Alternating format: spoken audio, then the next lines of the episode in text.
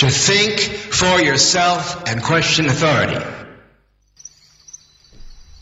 Cześć słuchaczko, cześć słuchaczu, witam was wszystkich bardzo serdecznie, radionafali.com, hiperprzestrzeń, ja na imię Tomek. Jak co sobotę, jak w każdą sobotę, prawie że w każdą sobotę. Czasami mnie tu nie ma, ale z reguły jestem. Oczywiście retransmitowana w radiu Paranormalium. Pozdrawiam słuchaczy Radia na Fali, Radia Paranormalium. Pozdrawiam wszystkich mecenasów Radia na Fali. Peace love, kochani. Wielkie dzięki za wspieranie radyjka. Naprawdę wielkie dzięki. Przypominam, że dalej nie mam jeszcze informacji z polskiego konta, także nie mogę Wam imiennie podziękować, ale nie przejmujcie się, pewnego dnia te informacje dotrą i będę mógł oficjalnie złożyć podziękowania Wam po prostu imiennie normalnie w liście mecenasów sztuki falowej. Jak na razie docierają bez problemu wszelkie informacje związane ze wspieraniem radia przez konto na PayPalu. Także jeżeli chcecie wspierać na PayPalu, zapraszam serdecznie. Oprócz tego, bo jak właśnie wesprzecie na radio przez PayPala, to ja mam od razu pod ręką Wasze adresy. A mamy tu jeszcze trzy książeczki do wysłania, proszę Państwa. Koniec wakacji. Jaki koniec wakacji? Ja mówię, połowa wakacji. Jeszcze nie koniec, jeszcze nie koniec. Spokojnie, spokojnie, jeszcze trochę potrwa. I mamy trzy książeczki, tak w sam raz do czytania podczas siesty. Trzy ostatnie tomy Carlosa Castanedy do wysłania jako prezenty dla mecenasów sztuki falowej, czyli dla Was wszystkich wspierających radio swoją kasiorą, sięgających do portfela i wpłacających na serwery, szmery, kable, buzery, bajery.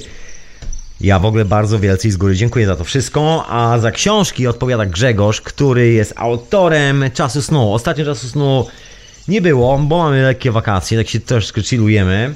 Odpoczywamy, ja robię porządek w plikach, tam też Grzegorz robi porządek u siebie w plikach, żeby ruszyć z całą tą lawiną nowych snów, ale to jeszcze chwilę potrwa, moi drodzy, także spokojnie, odrobina cierpliwości nikomu nie zaszkodzi. Poza tym zapraszam Was do archiwum, tam tego czasu snu jest sporo, jest tych snów naprawdę sporo.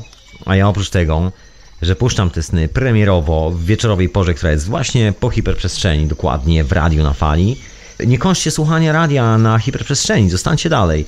Jeżeli słuchacie na Paranormalium, przełączcie się na radio na fali. I tyle. I usłyszycie, jak to w praktyce wygląda. Dzisiaj akurat nie będzie. Akurat dzisiaj jeszcze są wakacje, jeszcze się chilluję i jeszcze trochę odpoczywam. Ale normalnie premierowo odcinki zawsze są dokładnie w sobotę po hiperprzestrzeni, w czasie snu, a wy możecie wysłać swój sen do wieczorowej pory. Ja go czytam. Mam jeden sen, on stanie dzisiaj przeczytany, żeby nie było tak, że w ogóle nie ma snów, że zapomniałem albo coś. Jest oczywiście itching. No a dzisiaj hiperprzestrzeń, w ogóle w klimacie troszeczkę tego rzucania itchingiem, który się często odbywa właściwie prawie zawsze w wieczorowej porze w sobotę w Radiu na Fali. Ja to jakoś tak obsesyjnie kontynuuję już od dwóch lat i zapisuję to wszystko. No i chyba czas najwyższy, żebym wreszcie troszkę skrobnął bardziej po temacie przepowiedni innego konceptu czasu, czasu i przestrzeni. W ogóle czym jest czas, czym jest przestrzeń, czym są wydarzenia dookoła nas. Czym są przepowiednie? Dokładnie dzisiaj jest taki temat. Jeżeli coś wiecie na, na temat jakichś przepowiedni, albo macie jakąś przepowiednię, albo coś słyszeliście niesamowitego, dzwoncie. radionafali.com, tak jest adres na Skype'ie. Ja już jestem, zaraz, muszę mikrofon podłączyć. No właśnie, bo ja tu taki już szybko urka, burka, kawał sznurka, a tu się okazało, że nie podłączyłem mikrofonu dla Skype'a dla Was dzwoniących, także już podłączam. Przepraszam, jak zwykle muszą być jakieś jeziorany. No. Taka zaleta radia na fali. A wy tymczasem słuchacie oczywiście hiperprzestrzeni. Co jeszcze chciałem tytułem wstępu powiedzieć, że oczywiście Was zapraszam wszystkich, wszystkich słuchających tego podcastu, żebyście zrobili sobie lukę w czasie przestrzeni pomiędzy 14 a 16-17 sierpnia, dokładnie 14 sierpnia zaczyna się konwent wiedzy alternatywnej. 14 sierpnia, już niedługo, już za parę chwil. Ja liczę na to, że Tomek z Basią, którzy organizują to całe zamieszanie systematycznie już kolejny rok, a któremu Radio na Fali patronuje, jest tak zwanym patronem medialnym. Że się pojawią. Mieli się pojawić, ale mają nawał obowiązków przed imprezą, także organizują, przygotowują, żeby wszyscy tam na miejscu mieli zapewniony wikt i opierunek w cudzysłowie. Czy jakoś tak, żeby generalnie wszyscy mieli zapewnione doskonałe warunki. Także nie pojawili się dzisiaj w hiperprzestrzeni. Mam nadzieję, że się pojawią najszybciej jak się da, że może zdążą jeszcze przed konwentem. Trzymam za to kciuki. Ale to różnie bywa, różnie bywa, tym bardziej, że jest się organizatorem takiej impreza, impreza się rozrasta. Dawniej były tylko dwa dni, teraz są już trzy dni. Teraz jest tego o wiele więcej, o imprezie robi się głośno. Coraz więcej ludzi tam chce wbić, bo chce zostać ojcami tego sukcesu, także może pomyślcie o sobie, może też powinniście tam wbić. Trójmiasto, dokładnie Gdynia. 14 sierpnia, 16, 17. Wszystkie informacje są w archiwum Radia na Fali i na stronie fraktalna.pl, tam jest cała informacja o tym wydarzeniu. Natomiast w archiwum Radia na Fali, w archiwum Hiperprzestrzeni znajdziecie odcinki, gdzie jest mowa... Kopnąłem w krzesło? Kopnąłem, ale jestem cały i krzesło też, dobra. Gdzie jest mowa o tym, co trzeba przygotować na taką wyprawę, żeby tam się pojawić i miło spędzić czas, a w tym roku jest jeszcze pomysł na siedzenie na plaży, bo tam jest niedaleko plaża, dosłownie 3 km od miejsca, gdzie się odbywa cały konwent, także polecam serdecznie jakiś ręczniczek i na plażę jakby co. Także pamiętajcie o konwencie, moi drodzy, pamiętajcie, nie zapominajcie. Właśnie tak wspominałem o tym archiwum Radia na Fali Przepasnego. Mam nadzieję, że sobie zaglądacie do tego archiwum. W końcu jest lato. Przepasne archiwum na takie siesty, leniwe, gorące popołudnia, myślę, doskonały pomysł. Także zapraszam Was, żebyście tam sobie jeszcze zaglądali po drodze. Jak się nudzicie w środku tygodnia? Po drodze oczywiście przypominam wszystkim, jakby ktoś zapomniał, chociaż wątpię, że radio ma Twittera, radio ma konto na Facebooku, możecie dodać lajka, możecie polubić, możecie dołączyć i w jednym, i drugim. I to jest bardzo miłe, ja bardzo dziękuję. Co jeszcze, co jeszcze chciałem powiedzieć? To wszystko, co chciałem powiedzieć, proszę Państwa. I chciałem właśnie na koniec tych wszystkich ogłoszeń i na początek tej hiperprzestrzeni złożyć wszystkim solenizantom dzisiaj wszystkiego najlepszego. 100 lat, 100 lat, 100 lat, 100 lat, tysiąca lat, tysiąca lat wszystkiego pomyślności. Skąd wiem o tych solenizantach? Jako, że radio na fali ma swój profil na Skype'ie, normalną rzeczą jest to, że ono z reguły powiadamia mnie o tym, kto ma urodziny, a tych ludzi na tym profilu radia jest jakaś kolosalna ilość, której ja już nie jestem w stanie okiełznać. No i czasami mi wyrzuca, z reguły zawsze mi wyrzuca, że ktoś ma tam urodziny i ja z reguły zawsze, to akurat jest prawda, zapominam o tym powiedzieć i pozdrowić. Także dzisiaj wyjątkowo pamiętam o tym, że ktoś z nas ma urodziny. Zatem wszystkiego najlepszego, 100 lat, peace and love i pięknego kosmosu życzę do końca swoich dni na tej planecie i później. I chyba czas najwyższy, żebym zaczął e, dzisiejsze przepowiednie, dzisiejszy odcinek o przepowiedniach, o innym świecie, o innym koncepcie czasu. Bo urodziny też te w tym takim normalnym świecie. A przepowiednia, no właśnie. Właściwie urodziny też można niejako przepowiedzieć. Wiemy, że będą, wiemy, że się wydarzą i że je dożyjemy, to przeżyjemy swoje urodziny. No właśnie, no to dzisiaj dokładnie o przepowiedniach, moi drodzy. Także zapraszam serdecznie, żebyście nam się rozgościli w tych fotelach już po ogłoszeniach. Ja tu mam jakąś rock'n'rollową muzyczkę i nie tylko rock'n'rollową, jak zwykle na ten wieczór. No i zapraszam Was na te swoje szalone przemyślenia na temat przepowiedni, tego co czai się w przyszłości, czy jest jakaś przyszłość. Jaki jest czas? Co jest tym czasem? Co się tam czai? Jaki jest inny koncept tego czasu? I tym was będę zamęczał, także odzywajcie się gromko na Skype, jeżeli macie ochotę. radionafali.com, taki jest adres na Skype'ie. I tyle, proszę Państwa. I ja ruszam do tej całej opowieści i zacznę może od jakiegoś rock'n'rolla.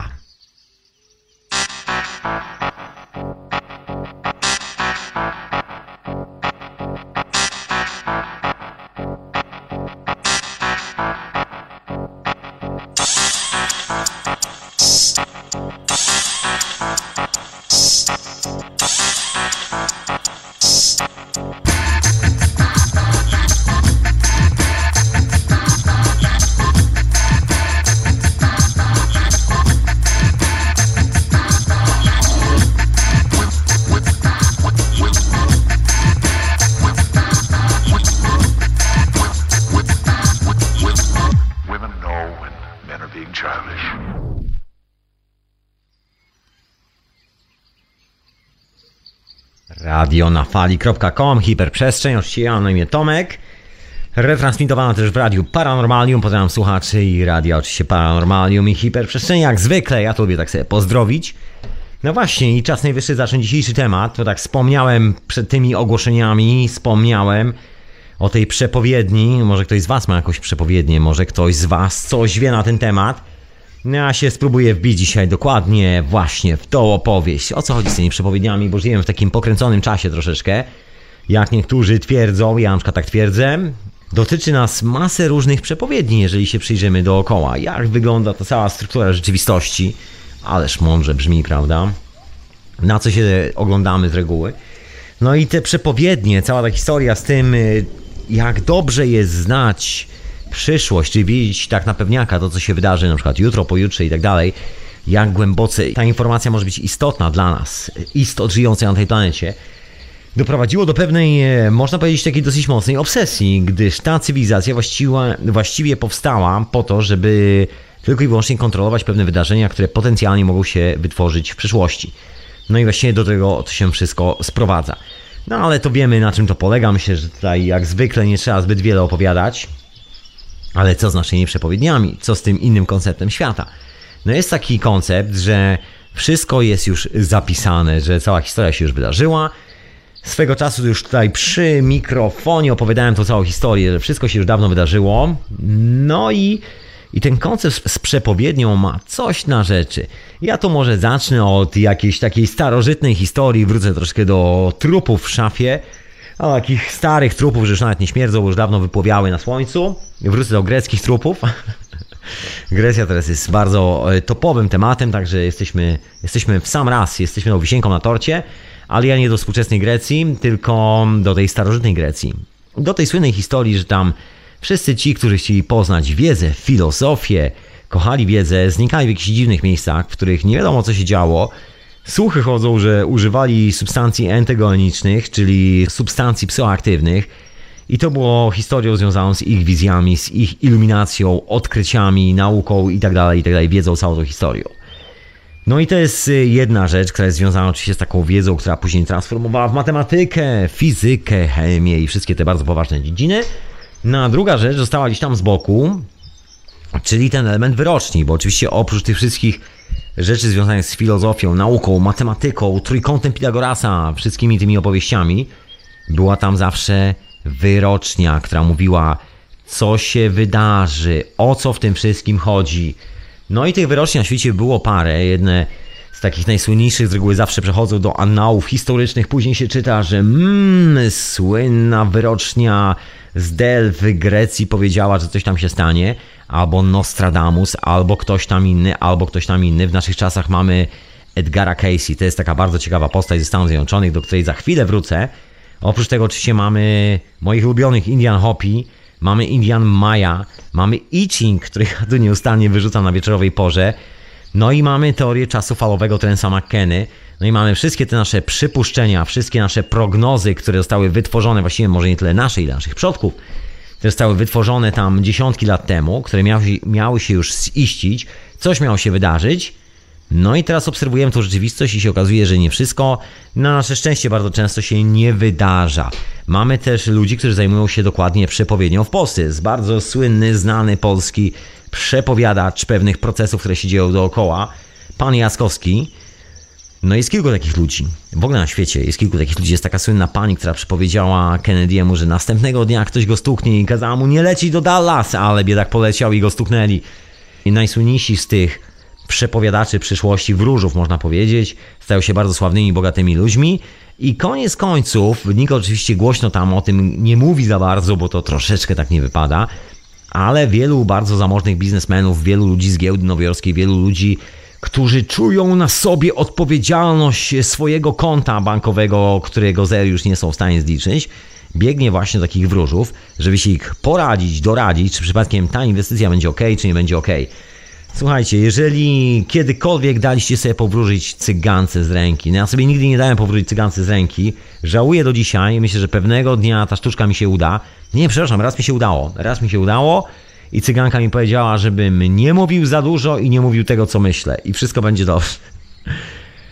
Nie miałem chyba wtedy 18 lat. Teraz się troszeczkę postarzałem od tego 18 roku życia i od tamtej pory nie dałem sobie powrócić cygance z ręki. I mam taki pomysł, że pewnego dnia, kiedy spotkam cygankę gdzieś na ulicy, która będzie wróżyła z ręki, podejdę i się zapytam. Taki cwaniak będę. Po tylu latach zobaczymy, może powie mi coś nowego.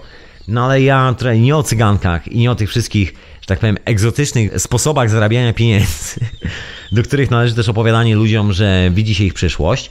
I o tym, czy tak naprawdę tą przyszłość można zobaczyć, czy ona jest widoczna.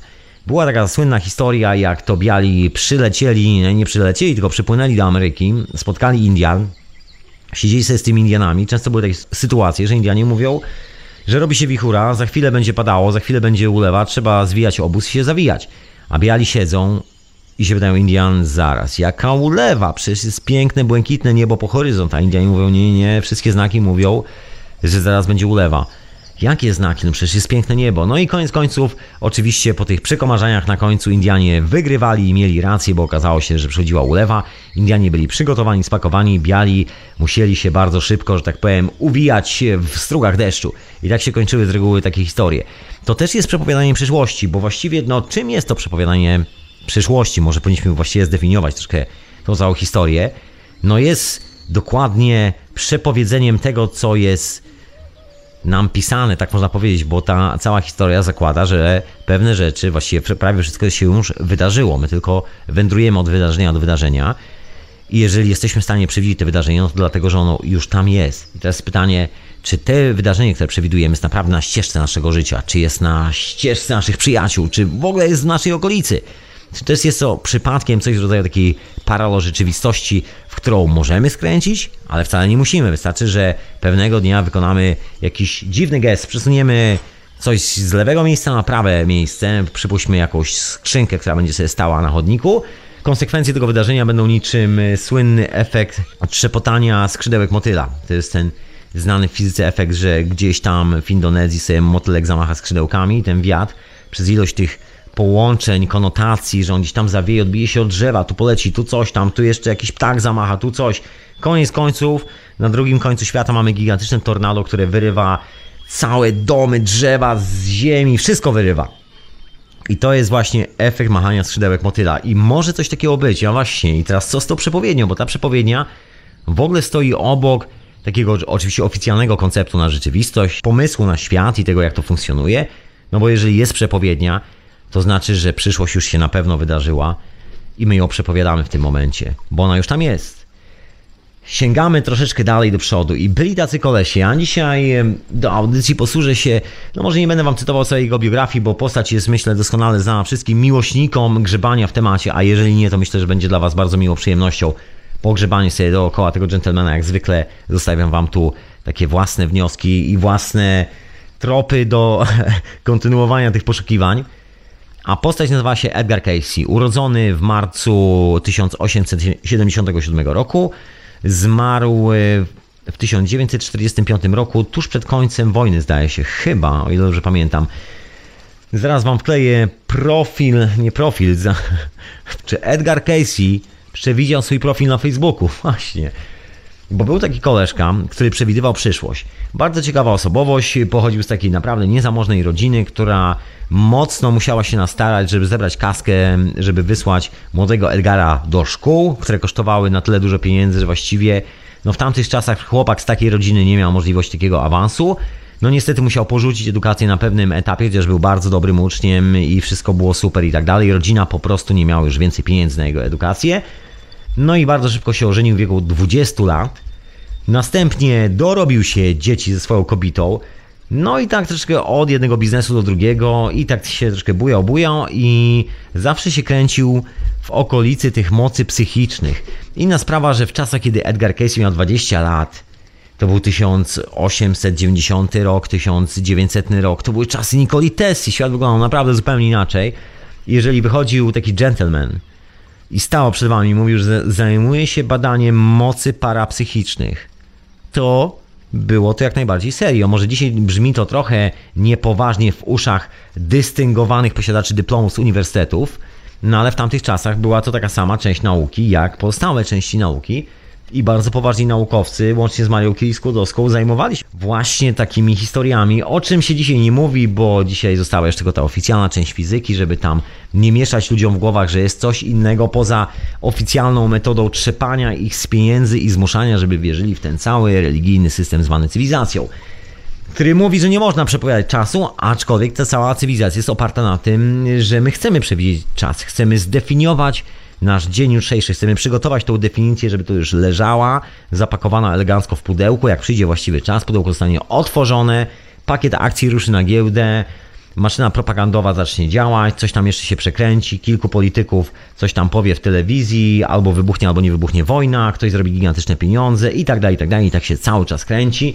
Tak czy siak, widać i tam taką potrzebę tego paternu, żeby przepowiedzieć sobie przyszłość. Zresztą historia z przesyłaniem informacji na odległość, czyli telegrafem, była związana nie z czym innym, jak dokładnie z tym przepowiadaniem przyszłości. Jeden koleś w Nowym Jorku chciał wiedzieć, co jest na statkach, ile tych statków wypłynęło i który dopłynie pierwszy, po to, żeby móc podbijać cenę na te towary, które właśnie przypłyną pierwszymi statkami. Jeżeli jakiś towar na przykład poszedł na dno razem ze statkiem podczas tej przeprawy przez Atlantyk albo jakiś inny ocean, no to wiadomo, że cena towaru na pozostałych statkach musi podrożyć, bo musi zwrócić koszta towaru, który zniknął w głębiach oceanu. No i koniec końców wszystko sprowadza się do tej przepowiedni, żeby przepowiedzieć, co się dzieje, bo właściwie nikt z nas nie ma takich mocy w dzisiejszych czasach, jak Indianie, którzy sobie siedzieli i mówili, o, za 47 minut będzie burza. No i mija 47 minut i jest burza. My tego nie wiemy. Żyjemy w troszkę takim chaotycznym życiu, w takim chaotycznym planie. Unikamy troszkę tych mocy gwiazd. Horoskop stał się właściwie taką gazetową zabawą, która służy tylko i wyłącznie, żeby ci, którzy troszeczkę sobie uminają czas, bo mają dużo wolnego czasu, mogli spędzić go na, nie wiem, na przepowiadaniu swojej własnej przyszłości albo snuciu swojej własnej przyszłości razem z jakimś dziennikarzem z gazety, który wymyślił im ten cały horoskop. Nie mam pojęcia, ale stało się to już taką zabawą, która właściwie straciła status powagi. Oczywiście dalej jest ten solidny, normalny horoskop, taki profesjonalnie wyliczany, który dalej jest jak najbardziej serio. No i cała ta historia kieruje nas właśnie dokładnie w tym kierunku. W kierunku tego horoskopu, który jest jak najbardziej serio, a może troszeczkę dalej, bo kieruje nas w, w stronę gwiazd. Cokolwiek by nie mówić. Ja tu nie na darmo dzisiaj wspominam o tym Edgarze Casey, bo to był taki gentleman, który jak już wreszcie osiadł i ogarnął się w życiu, dorobił się dzieci, kobiety, wszystkich tych spraw, które były mu potrzebne, okazało się, że ma bardzo ciekawe wizje. Inna sprawa, że on w ogóle trenował te wizje. Nie chcę tu za bardzo wbijać się w biografię tego gentlemana, bo naprawdę jest taka długa i obfita. No ale generalnie w takim bardzo wielkim telegraficznym skrócie gentleman ten miał niesamowite wizje podczas snów. No i postanowił spisywać te wizje. No i się okazało, że Edgar Casey ma bardzo celne wizje, które nawet się sprawdzają. No i został takim wziętym, można powiedzieć, przepowiadaczem, wziętym wieszczem. No robił się nawet całkiem niezłej fortuny. Wiele ponoć nawet koronowanych głów zwracało się do niego, żeby przepowiedział im ich przyszłość. I to robił, nie wiem z jakim skutkiem, czy dobrym, czy złym. Tego się już prawdopodobnie nigdy nie dowiemy ale jest kilka przepowiedni, które Edgar Casey zostawił po sobie, które dotrwały do dzisiejszego dnia i one rozpalają, co po niektórych oczywiście do czerwoności. Jest to związane z przepowiedniami Indian Hopi oczywiście i poniekąd związane z przepowiedniami Indian Maya. No i cokolwiek by nie mówić, są związane z horoskopami. No i na dodatek to wszystko jest związane z tym, co się teraz odkopuje na stanowiskach archeologicznych na świecie. I to jest najzabawniejsze w tym wszystkim, że te przepowiednie, które w sumie miały służyć do tego, żebyśmy, nie wiem, wygrali milion w totolotka, skreślili właściwe sześć numerów albo coś takiego, przepowiadają z reguły coś innego. Bo są różne rodzaje przepowiedni. Są oczywiście te na sześć szczęśliwych numerów totolotka i są te, które mówią o naszej cywilizacji. I część tych przepowiedni, która mówi o początkach naszej cywilizacji, o pewnej historii, którą gdzieś tam zgubiliśmy, jak na ironię zaczyna się potwierdzać. I to jest właśnie taki, można powiedzieć, fenomen z tymi wieszczami, z tymi przypowiedniami, które zostały tam właśnie już od czasów Nostradamusu, właśnie nawet Indian Hopi, czy jeszcze dalszych czasów i Greków, i Egiptu. No właśnie, z Egiptem też jest pewna historia związana z przepowiadaniem przyszłości, a mianowicie chodzi o tą największą piramidę. No właśnie, no temat jest gruby, moi drodzy. Mam nadzieję, że dzisiaj uda mi się go troszeczkę liznąć i poskrobać po powierzchni. A wy jak coś wiecie na ten temat, macie jakieś przepowiednie albo coś ciekawego słyszeliście na ten temat, to dzwoncie radionafali.com, a ja na imię Tomek. I co?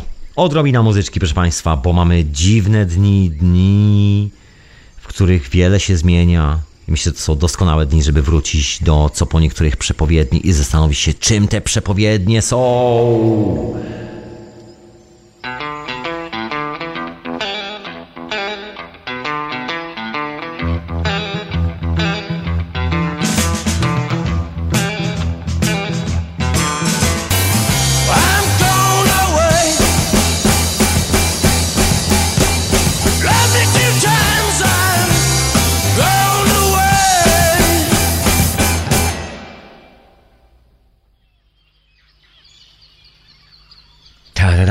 Tararam, radio na fali hiperprzestrzeń, ja na imię Tomek, oczywiście retransmitowana też w radiu Paranormalium, a radio na fali.com. Zapraszam oczywiście na stronę jak najbardziej do archiwum, tam jest troszeczkę więcej hiperprzestrzeni i nie tylko, bo jest też etykieta zastępcza księcia Edwarda i wszystkie inne rzeczy w etykiecie.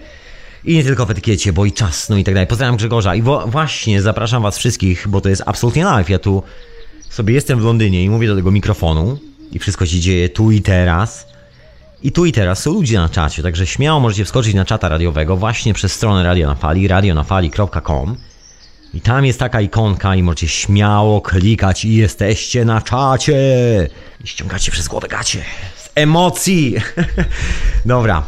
Słuchajcie, wracam do tego, co nas czeka w przyszłości, czyli do przepowiedni. Właśnie tak wspomniałem o Grekach i wspomniałem o Edgarze Casey, wspomniałem troszeczkę o Indianach. Będę rozwijał te tematy należy sobie zadać to pytanie. Pytanie, które padło na czacie, pozdrawiam właśnie Grzegorza, czyli Jubego. Czym jest ten czas?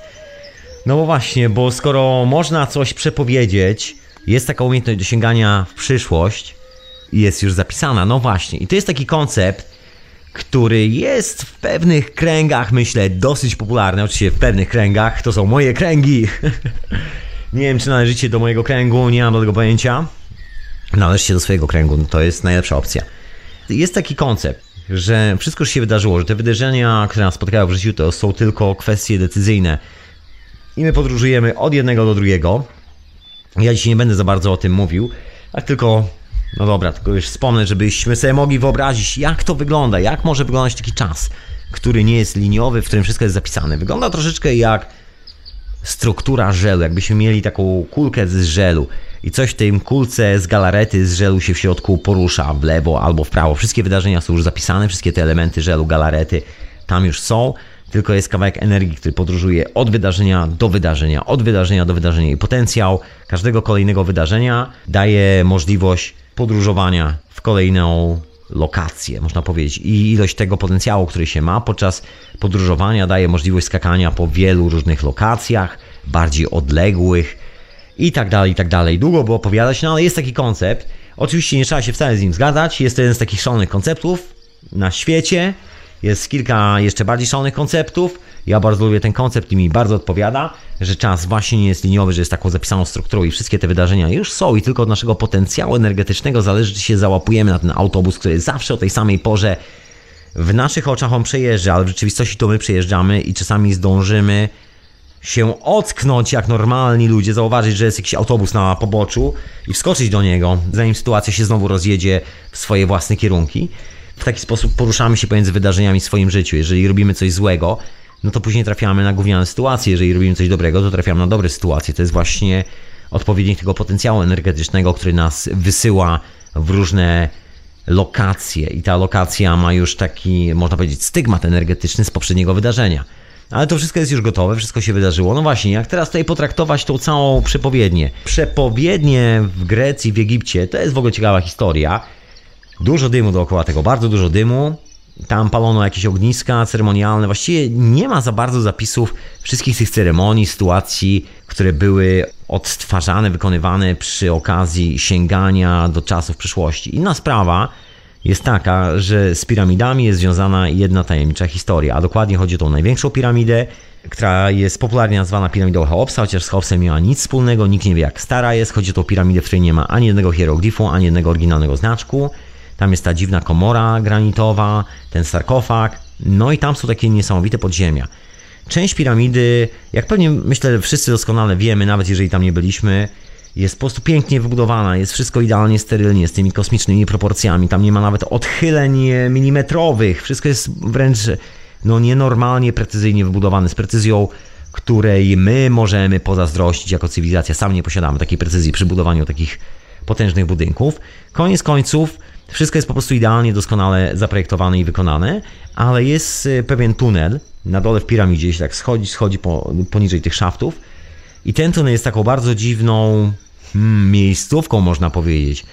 Jest przede wszystkim taki bardzo, no w ogóle niewykończony i w ogóle nie przypomina całej reszty piramidy, bo o ile wszystkie rzeczy są tam idealnie wyszlifowane, wszystkie proporcje kamieni, lustrzane odbicia i tak dalej, i tak dalej, wszystko idealnie wyważone, wymierzone, no to schodzimy do takiej piwnicy, która wygląda jakby ktoś e, z szałem jakimś w oczach, z szałem w głowie rzucił się z młotkiem na skały i je tłuk jak oszalały, wykuwając jakieś po prostu przypadkowe formy. I to w ogóle wygląda jak taki naturalny bedrock, tak to jest po angielsku nazywane, czyli oryginalna skała, na której właściwie piramida stoi, chociaż nikt tego do końca nie wie. Tam jest jeszcze kilka legend właśnie, do których dojdę po drodze, bo są związane właśnie z Edgarem Casey. No i koniec końców z Egiptem jest związana ta legenda, że tam została zapisana, złożona cała informacja na temat, jak wystartować nową cywilizację i tak dalej, i tak dalej. Myślę, że wielu z nas doskonale zna tą legendę, która do tej pory jest legendą, jak twierdzą niektórzy, ale jak, jak mówi stare porzekadło, w każdej legendzie jest ziarenko prawdy. Koniec końców ta sama historia dotyczy piramid w Chinach, ta sama historia dotyczy piramid w Ameryce Południowej i Środkowej. Tam też dokładnie mowa jest o tym, że są to takie biblioteki informacji, które zostały po to, żebyśmy my mogli z powrotem się dowiedzieć skąd przyszliśmy, kim jesteśmy i dokąd zmierzamy. No właśnie, no i jest ten taki ciekawy tunel w piramidzie i pewnego dnia pewien gentleman postanowił ten tunel pomierzyć i posprawdzać wszystkie jego proporcje. Bo to jest takie długie wcięcie, które idzie przez całą piramidę i kończy się właśnie na tej komorze, która jest tak dziadowsko zrobiona na tej oryginalnej skale, takiej krzywo, nawet nie wykutej za bardzo, jakby ktoś tam po prostu piasek posprzątał i zostawił taką krzywą skałę, która jest w bardzo dużym kontraście do całej reszty tej konstrukcji zwanej piramidą. No i ktoś kiedyś wreszcie policzył odległość i proporcje tego całego tunelu, ile trzeba przejść, przez ile przecięć i tak dalej, i tak dalej, żeby dojść na sam dół. No i z tych wszystkich proporcji wyszła taka bardzo ciekawa rzecz, że mówimy o zapisie czasu, że właściwie ta cała droga wygląda trochę jak taka skala wydarzeń w przestrzeni. No i ów gentleman postanowił przyłożyć do tego ową skalę naprawdę dziejących się wydarzeń w przestrzeni, takich jak wybuch bomby atomowej, takich jak jakieś tam rewolucje, wydarzenia historyczne, wszystkie te rzeczy, które mamy spisane, wiemy, że się wydarzyły. Przyłożył to na kartkę papieru, po prostu narysował sobie linię, zrobił sobie dokładnie interwały, tak jak się zaczynają wszystkie te szafty, te rozejścia się dróg w piramidzie właśnie na drodze do tej właśnie jednej komory na dole. Po czym sobie rozpisał wszystkie wydarzenia historyczne, też na kartce papieru na zasadzie linii. Zapisał sobie wszystkie te na zasadzie proporcji, w którym miejscu to się znajduje na tym odcinku czasu. No i przyłożył te dwie rzeczy do siebie i się okazało, że fenomen wygląda na to, że ta część piramidy właściwie jest niczym innym jak jedną wielką przepowiednią. Jest tam zapisany cały właściwie cykl rozwoju cywilizacji. I kiedy ten, ten gentleman zaczął to sprawdzać, okazało się, że faktycznie ups, kalendarz kończy się na właściwie 2027, jakoś tak. I to się wszystko dzieje w tej piwnicy w piramidzie. Oczywiście można tu się kłócić, bo to jest kwestia też interpretacji, nikt tego nie powie na 100%. To już zostawiam każdemu z nas, co w ogóle sądzić na ten temat. W tej komorze jest takie specyficzne jakby wykucie tych kamieni i te wykucie kamieni idealnie pasuje na przykład do II wojny światowej i do takiej globalnej katastrofy, którą była ta wojna. No jest kilka innych niuansów, takich drobnych wykuć. I są dwie koncepcje, które są związane z odczytywaniem owej przepowiedni, jeżeli potraktujemy ów tunel w piramidzie jako przepowiednię, że czekają nas bardzo dziwne czasy, czasy rozejścia się świata. Dziwnie to brzmi. Z jednej strony interpretacja wygląda tak, że nastąpi jakiś wielki kataklizm, a taki koszmarny kataklizm, który wymiecie wszystko, a z drugiej strony jest to po prostu taki koniec historii, koniec jakiejkolwiek cywilizacji, która tu funkcjonuje, a z drugiej strony jest odbicie do zupełnie innej opcji, do opcji, która idzie prosto w kierunku takiego szaftu, czyli takiego tunelu, który jest w środku w piramidzie, skierowany na gwiazdę o nazwie Orion. Jest to zapowiedź tak zwanej prosperity, szczęścia, radości, wszystkich tych dobrych rzeczy. I wygląda to trochę tak, że ten tunel ma dwie opcje. I właściwie nie tyle ma, ile są dwie opcje fizycznie. Możemy pójść w jedną stronę, czyli doprowadzić się do jakiejś totalnej katastrofy, właściwie koniec historii, oraz pójść w tą drugą stronę, czyli tym szaftem w kierunku właśnie Oriona na niebie. Ciekawa historia, prawda? Wielu ludzi to sprawdzało, zrobiło takie bardzo precyzyjne pomiary tego tunelu w piramidzie, jak to wygląda, jakie są różnice dosłownie co do milimetra, bo to się robi już w dzisiejszych czasach takimi laserowymi miernikami, które wyświetlają na wyświetlaczu tyle, ile chcemy po przecinku. Tylko wyświetlacz jest limitem w tym momencie. No generalnie są to bardzo precyzyjne urządzenia, no i okazuje się, że faktycznie zgodność tych wszystkich przecięć w tym tunelu jest wręcz idealna z całym biegiem historii, który mamy za sobą naszej cywilizacji. O co chodzi, kiedy mówię te przecięcia w tunelu? Ponieważ jest to tunel, którym właściwie się wchodzi do piramidy I on się w pewnym momencie rozchodzi. Siedzi do tych wielkich komór, tam gdzie jest ten sarkofag granitowy, i druga część tunelu schodzi na dół, właśnie tam, gdzie jest ta skała, na której stoi piramida. Ponoć ta oryginalna skała, ale no nie jest to do końca oryginalna skała, czy powiedział Edgar Casey, ale do, czego, do tego dojdę za parę chwil. I kiedy pomierzono te wszystkie proporcje, dziwnie to wygląda. No nie można powiedzieć, żeby to był przypadek, bo i tych odnóg jest parę. Dlatego właśnie mówię, że, że nie za bardzo na przypadek, bo to nie jest jedna odnoga, którą można sobie przez jakieś tam losowe wydarzenie, że akurat ktoś wybudował dokładnie w tym miejscu i akurat się okazało, że proporcja wydarzeń historycznych zgadza się dokładnie z proporcjami w tym tunelu, ale to są proporcje praktycznie każdego zagięcia tego tunelu, każdego jego obniżenia, każdego skrętu w lewo, każdego w prawo. I każdy z tych drobnych elementów, który jest po prostu częścią konstrukcji tego tunelu, jest dokładnie dopasowany do biegu historii, który mamy, tak jak wspomniałem, ze sobą jako cywilizacja. To jest fenomen, nikt nie jest w stanie tego wyjaśnić. Jest oczywiście wiele takich potężnych teorii, które mówią, że to jest taka maszyna do podróżowania w czasie, tam jest zapisana cała historia cywilizacji, taka do przodu i jeszcze w przeszłość. No z tą przeszłością to wiemy, bo zostały legendy, a jeszcze poza legendami zostało jeszcze kilka innych rzeczy. Zostały właśnie owe przepowiednie, między innymi przepowiednia Edgara Casey. Ale o tym to może za parę chwil i troszeczkę muzyczki w radiu na fali w hiperprzestrzeni. A wy jak macie jakieś przepowiednie, wiecie, że coś się wydarzy, albo coś czujecie, to dzwoncie i mówcie ludzie. Mówcie, mówcie, niech świat się dowie.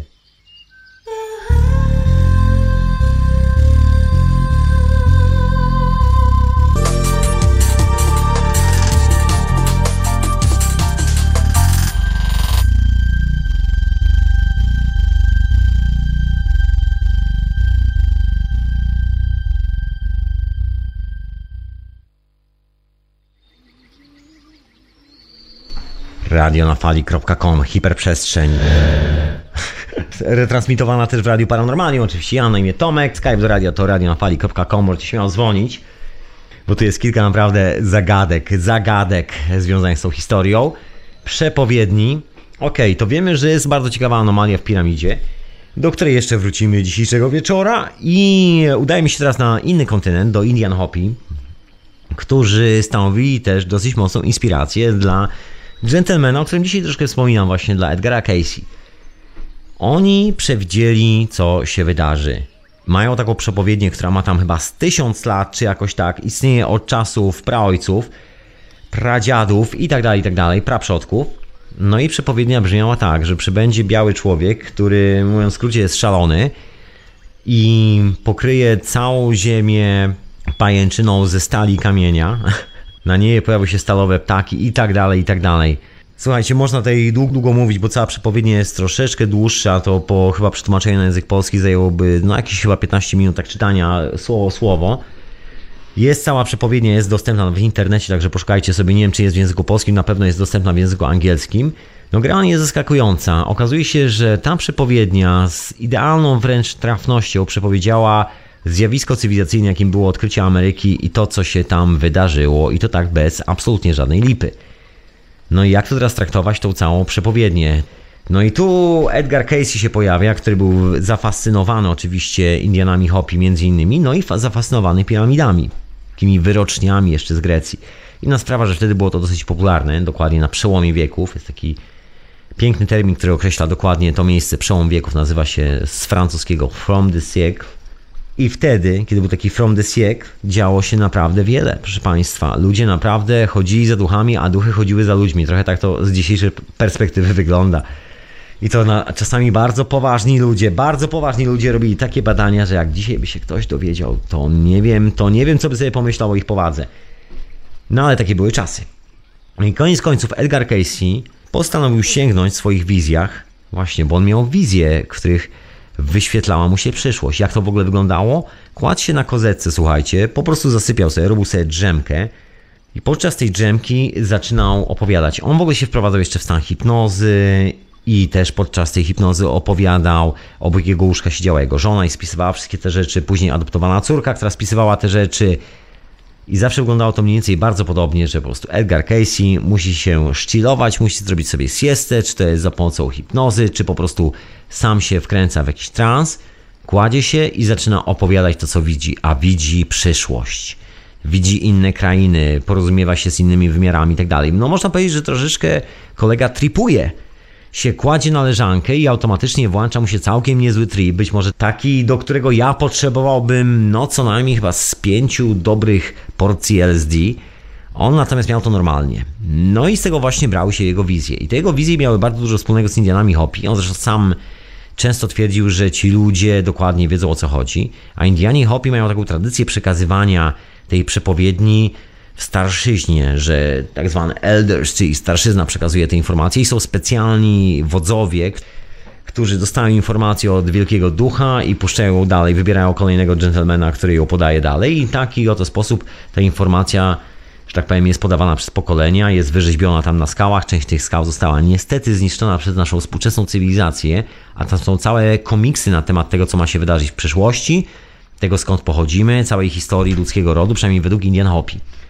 No i się okazuje, że Indianie Hopi też mówili dokładnie o końcu historii. O tym samym, o czym mówili Maja. No z Indianami Hopi jest jeszcze ta historia, że ich system odmierzania czasu, chociaż nie posiadają żadnego teleskopu, nie posiadają żadnej lunety, ludźmi ziemi, jak biali ich zobaczyli, to potraktowali ich bardzo nieelegancko, bo ci Indianie naprawdę to taka przepaska biodrowa i nic więcej. I mieszkają sobie w tak ciepłym miejscu, że no poza lepianką to już naprawdę więcej nie potrzeba do życia. Kukurydza sobie rośnie, wszystko jest i generalnie jest ok. Zupełnie inny obraz cywilizacji niż nasza współczesna cywilizacja. No i ci Indianie Hopi, tacy prymitywni z naszego punktu widzenia, przynajmniej ówczesnych zdobywców, posiadali swój kalendarz, a kalendarz Indian Hopi jest troszeczkę szokujący, jeżeli spojrzy się na to pod kątem kosmicznych proporcji. Okazuje się, że kalendarz jest oparty na tak potężnej astrofizycznej wiedzy, do której my właściwie powoli jako cywilizacja dorastamy. My część tych procesów dopiero zaczynamy zauważać dzięki właśnie teleskopowi Hubble'a, który tam sobie śmiga i obserwuje różne te zjawiska. Jeszcze nie mamy pojęcia, co ten teleskop obserwuje i co tak naprawdę widzimy na tych wszystkich zdjęciach, ale gdzieś tam już powoli coś tam widzimy. Natomiast ci Indianie znali się na tym na tyle dobrze, albo ktoś, kto dał im ten kalendarz, albo ich przodkowie, nie mam pojęcia, kto to był, że dostali tak potężną wiedzę i tak skompresowaną wiedzę o tak kosmicznych cyklach, które są właściwie no, do opisania tylko i wyłącznie w jeden sposób. Trzeba było zacząć kalkulować wszystkie ruchy planet w całej naszej galaktyce, ruch precesyjny Ziemi, kalkulować wszystkie orbity, przejścia. Szaleństwo, po prostu szaleństwo. Jeszcze kalkulować kilka procesów, o których my dopiero się dowiadujemy. To jest ten dodatkowy ruch Słońca, taki, który nagle zauważono, że faktycznie jest taki długi proces i dopiero teraz nagle zauważyliśmy, że ten proces faktycznie istnieje, że jest trzeci proces, że nie tylko dwa takie główne podstawowe, ale jest coś trzeciego, że, że tych pasów Van Allena też jest trochę więcej niż dwa. Nagle się okazuje, że jest taki moment historii, że pojawia się coś, co wygląda jak trzeci pas Van Allena i zaczyna się zachować jak trzeci pas i generalnie staje się trzecim pasem Van Allena. I od tego zależy troszeczkę sposób, w jaki dealujemy rzeczywistość. No wiadomo, że jesteśmy układem elektrycznym, o czym się chyba wszyscy doskonale wiedzą. No nie wszyscy się z tym chcą zgodzić nieustannie od 100 lat, no ale to już inna historia. No nie mniej więcej te elektryczne moce elektrostatyczne oddziałują na wszystko dookoła. No jest to taki układ połączony. No i się okazuje, że Indianie Hopi, prymitywne dzikusy mieszkające w lepiankach z gliny, biegające w przepaskach. Ci kolesie, te dzikusy mają kalendarz, który właściwie no nie wiem, czy współczesny astrofizyk by tak sobie spokojnie wyliczył. To musiał być raczej taki potężny zespół astrofizyków i raczej takich astrofizyków, którzy są trochę bardziej ogarnięci niż ci dzisiejsi, bo do końca nie wiemy, jakie procesy się dzieją. Nasza skala obserwacji kosmosu jest zbyt krótka, żeby pewne rzeczy po prostu potraktować jako, jako taki pewnik, jakikolwiek pewnik. No i właśnie ci Indianie Hopi, niby nic, prawda, niby nic, niby nic wielkiego, ale ich znajomość tych kosmicznych cykli po prostu miażdży. No i to dokładnie ta sama historia z Indianami Maja. Po Indianach Maja nic nie zostało, poza tym, że zostały takie resztki bardzo krwawej kultury, którą spotkali konkwistadorzy z Europy, którą zresztą wytłukli też pień. Przodkowie Majów, tudzież ludzie, którzy stworzyli kalendarz, który my nazywamy jako kalendarzem Majów, posiadali dokładnie taką samą wiedzę. Tam była też taka zabawna historia. W sumie chyba chodziło o przewidywanie czasu, na to wygląda. Ten kalendarz miał trochę więcej cykli niż ten używany oryginalnie przez tych ostatnich, że tak powiem, potomków Indian Maya, tych bardzo krwawych. On nie miał jednego okręgu, czyli brakowało tego największego kosmicznego procesu. Oni w ogóle o nim zapomnieli na, na jakiś czas, na jakiś chyba cały tysiąc lat, czy coś w tym stylu to nie jest do końca tak, że wszystkie te kultury przechowały wszystkie te tradycje zawsze w stanie takim niezmienionym. No nie do końca tak to wygląda. Wystarczy spojrzeć na Indie, które właściwie są taką kulturą, która trwa w niezmienionym stanie od chyba prawie 10 tysięcy lat i właściwie nie widać tych 10 tysięcy lat za nimi. No, znaczy widać, jak się człowiek mocno przyjrzy, ale tak na co dzień to, to gdzieś już pognali z tym wszystkim, gdzieś to się troszeczkę roztrwoniło. Więcej bogatych Mercedesów na drogach niż dbania troszkę o świadomość tego, kim jesteśmy. No ale to podobnie z Indianami Maja się wydarzyło. No tak czy siak, cała ta historia została odgruzowana i to się okazało, że Indianie Maja, tudzież przodkowie Indian Maja, posiadali taką wiedzę, że to się w głowie nie mieści. Bo żeby wyliczyć ten kalendarz, no to trzeba znać wszystkie te kosmiczne procesy, to jak zawijają wszystkie te planety w galaktyce, a bez potężnego obserwatorium astronomicznego, bez laserów, bez tego całego dobrodziejstwa technologicznego, które mamy teraz dookoła siebie, praktycznie ciężko byłoby cokolwiek zauważyć. Praktycznie większość rzeczy pozostałaby hmm, nawet nie tknięta kijem, nawet byśmy sobie nie zdawali sprawy, że coś takiego w ogóle istnieje. No i to jest ten fenomen związany z tymi przepowiedniami, że ci kolesie, właśnie tacy kolesie jak Edgar Casey, Indianie Hopi, wszystkie te historie, które powstały po Indianach Maja, jakoś tak się elegancko składają właśnie w taką troszeczkę inną wersję przepowiedni.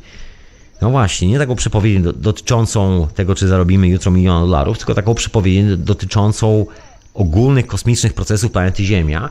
I właściwie cała nauczka z tego, bo tam jest ciągle nieustannie informacja na ten temat powtarzana, że właściwie wszystko jest w nas, że my jesteśmy reprezentacją tych kosmicznych sił. I tak jak można przewidywać ruchy planet na niebie, pewne moce, które się ze sobą zderzą w przyszłości potencjalnie lub coś w tym stylu, to tak samo można przewidywać pewne sytuacje w naszym życiu, które na pewno wystąpią, ponieważ dokładnie jesteśmy taką, a nie inną mocą, dokładnie otoczoną takimi, a nie innymi mocami. I mogło być tak, że dawno, dawno temu to, co my nazywamy teraz przepowiednią, w ogóle nie istniało, bo na przykład większość ludzi miała takie predyspozycje, żeby widzieć ten pattern w swoim własnym zachowaniu bez żadnego problemu. Bo to w końcu chodzi dokładnie o ten drobny pattern, który powtarzamy na co dzień, który odpowiada za wszystkie te duże ruchy, które się dzieją. Tak jak nasz wewnętrzny konflikt odpowiada za wszelkie wojny na świecie i tak dalej, i tak dalej. Każdy ten drobny gest, każda butelka Coca-Coli, którą No właśnie, wszystkie te drobiazgi, proszę Państwa, wszystkie te drobiazgi, to się wszystko składa tak do kupy. I tutaj się wykazuje troszkę inny obraz tej całej przepowiedni, zasadniczo innym bym powiedział. I dotyczy naszego ustawienia bardziej względem tych procesów, które nieszczęśliwie lub szczęśliwie nazywamy emocjonalnymi, procesami intencyjnymi, bo to chyba jest taka najbardziej poprawna i pasująca nazwa do tego wszystkiego. I wygląda na to, że te przepowiednie nie do końca mają cokolwiek do tego fizycznego świata i nie zawsze. I to może być właśnie ten ów tajemniczy błąd, który występuje u wszystkich tych dżentelmenów, wszystkich tych ludzi, którzy przepowiadają przyszłe wydarzenia. Było masa takich postaci, o których właśnie wspomniałem na samym początku dzisiejszego gadania. Na przykład ta panna, która przewidziała strzelanie do Kennedy'ego. No ale co z tego, skoro przepowiedziała tylko jedną rzecz, a pozostałe na przykład pięć się nie wydarzyło. Podobnie jest na przykład z Nostradamusem, który przepowiedział ileś tam rzeczy, ale właściwie nie wiadomo ile się wydarzyło, bo jest to kwestia bardzo takiej no, że tak powiem, spuszczonej ze smyczy interpretacji, takiej bardzo dowolnej interpretacji. To każdy może w swoją stronę ciągnąć i każdy będzie miał tu rację, albo nikt nie będzie miał tu racji. Właściwie nikt nie wie, kto ma rację, a kto nie ma racji. Kwestia interpretacji. No i tu mamy Edgara Casey, który był taki dosyć precyzyjny, który postanowił w tych swoich wizjach cofnąć się do samego początku, cofnąć się do Egiptu i dowiedzieć się skąd przychodzimy i dokąd zmierzamy i na czym polega cała nasza historia, która się tu wydarza na Ziemi. No i dostał kilka bardzo ciekawych odpowiedzi, o których później wspomnę. No i te same odpowiedzi gdzieś się tam pałętały w Europie u kilku innych przepowiadaczy przyszłości, bo oczywiście Edgar Casey nie był, nie był takim jedynym kolesiem, w Europie było paru takich ludzi. Adolf Hitler miał takiego kolesia, który przepowiedział mu koniec III Rzeszy. No i właśnie z tego powodu, że koleś przepowiedział koniec III Rzeszy i to taki brutalny koniec III Rzeszy, przynajmniej tej, którą znano wtedy jako funkcjonujący kraj, tak przeraziło Hitlera, że wysłał koleżkę do, do jakiegoś obozu, zdaje się. Został rozstrzelany. Generalnie źle skończył. Nie przeżył swojej przepowiedni. Była niestety kiepska. I teraz, czym jest ta przepowiednia, moi drodzy? Co możemy sobie przewidzieć, a czego nie, nie możemy sobie przewidzieć? I co z tym wszystkim ma wspólnego to, że ona jest taka intencyjna z jednej strony i to, że na przykład takie fizyczne wydarzenia, czyli na przykład ilość wojen, która miała się wydarzyć, się nigdy nie wydarzyła, że ilość zabójstw, która miała się wydarzyć, się nie wydarzyła, że masa rzeczy z tych przepowiedni się nie wydarzyła, ale z kolei zawsze mamy tą część, która się wydarza. I to nie jest tak, że można to wszystko wyrzucić do góry na śmieci, bo ciągle mamy ten element, który się jednak wydarza.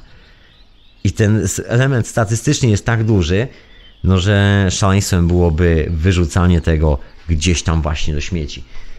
Może trzeba było to rozdzielić. Może tu chodzi o to, że świat materialny jest materią, a świat intencyjny, który dopiero determinuje tą całą materię, ten cały zestaw przedmiotów dookoła nas, to on jest tym klub programu. To jest ta historia, która jest związana z przepowiednią. No przynajmniej tak była używana dawniej. Jeżeli się naprawdę cofniemy do tej Greki, do starożytnego Egiptu, to zauważymy, że przepowiednia właściwie była tylko i wyłącznie znakiem na powodzenie albo niepowodzenie pewnej akcji. Jest słynna historia, jak to się pojawiło chrześcijaństwo w Rzymie, prawda? Jak jeden ze wkurzonych cesarzy rzymskich, a było ich wtedy pięciu, postanowił objąć kontrolę nad całym y, cesarstwem i postanowił, że to on zostanie tym jedynym cesarzem. No jak przyszedł do Rzymu, postawił tam armię nad Tybrem i nagle pokazał się taki znak na niebie. Jak się pokazał znak na niebie, to dostał informację od swojego astrologa, żeby wszyscy na swoich tarczach wymalowali pewien bardzo specyficzny symbol. Jest to taki X z literką P, jest to symbol stolicy Piotrowej do dzisiaj.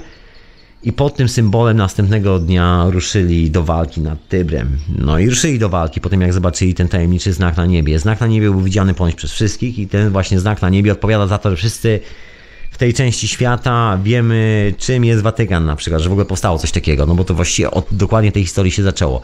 Ktoś e, wiedział, że nastąpi jakiś proces na niebie, być może wiedział, być może nie i przewidział.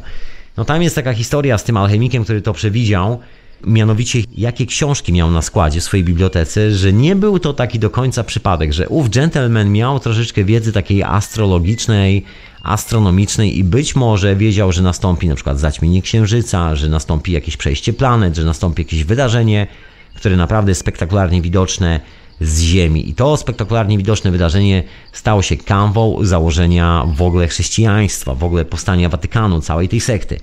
W ogóle w sensie politycznym, bo takich sekt na świecie miliony powstają każdego roku, tylko że nie każda się tak kończy historia, tak jak się ta skończyła. To też jest związana sprawa z przepowiednią, moi drodzy. Bo ktoś wiedział, jak będzie wyglądała przyszłość. No właśnie, jak to jest to przyszłością? Czym to jest? No bo jest to intencyjne, prawda? Nie ma tutaj opcji przepowiedzenia, że na przykład jutro szklanka się przewróci albo nie przewróci, ale można przepowiedzieć sytuację dookoła szklanki, że dookoła szklanki będą panowały na przykład emocje. I to się bardzo często słyszy. To jest ta część związana właśnie ze starożytną Grecją. Tam te wszystkie pytania do tych wyroczni były mniej więcej właśnie tak konstruowane, żeby powiedziały sytuację, w której to się wydarzy. To nie było pytanie, czy naprawdę coś ten, czy tamtędy, czy ten, czy tylko będzie szansa. To jest rozmowa ze sobą samym. Jutro stanę na rozdrożu dróg i którą drogą pójść. I to jest właśnie tego typu pytanie. ciekawa historia, ciekawa. Czekajcie, ale ja tu wrócę jeszcze do Edgara Casey, bo tam jest naprawdę coś bardzo intrygującego. A jeszcze po drodze, zanim wrócę do Edgara Casey, to opowiem Wam o teorii czasu falowego. Pewnie część z Was troszeczkę zna tą teorię, niektórzy może nawet doskonale. Teoria Terensa McKenna. Ja o niej kiedyś opowiadałem dawno, dawno temu, może jeszcze chyba 3 lata w hiperprzestrzeni. 3 lata temu, także trochę czasu minęło. I ta teoria czasu falowego elegancko się klei z tym intencjonalnym podejściem do rzeczywistości, tą opcją przewidywania przyszłości, tą informacją, że możemy jednak zaglądać, że ta przyszłość już istnieje, że możemy za tą kurtynę zaglądnąć i sobie coś tam przynieść z tamtej kurtyny, jakąś informację, że coś w tym jest. Jest to bardzo ciekawa sprawa i opiera się już na takiej solidnej matematyce i na takich cyklach historycznych, ale o tym może po muzyce, moi drodzy. A wy jak chcecie się dodzwonić, zadzwonić, to oczywiście radionafali.com, taki jest adres na Skype i zapraszam serdecznie, żebyście się odezwali, jeżeli macie taką ochotę. A dzisiaj o przepowiedniach. Przepowiednie, wieszcze, wieszcze przyszłość.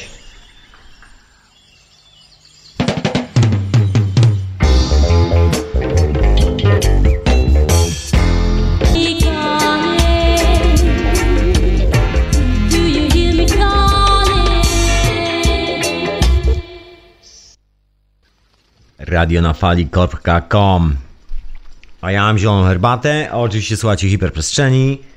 Możecie śmiało dzwonić radionafali.com, taki jest adres na Skype'ie. A ja wracam do tych wszystkich historii związanych z przepowiedniami. No właśnie, bo jest taka ciekawa koncepcja Trensa McKenny, która się pojawiła. Trensa już nie ma z nami od paru lat, ale swego czasu był to właściwie początek lat 80., można powiedzieć, kiedy się pojawiła bardzo ciekawa teoria czasu falowego. Na czym y, ta teoria polega?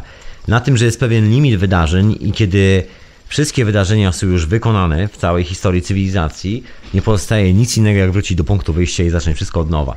Jakby ilość opcji, które cywilizacja sobie sprawdza, ilość opcji, które sobie sami w życiu sprawdzamy, ilość wszystkich gniazdek elektrycznych, które koniecznie musimy włożyć naszego palca, żeby nas kopnęło i tak dalej, i tak dalej, wszystkie te historie.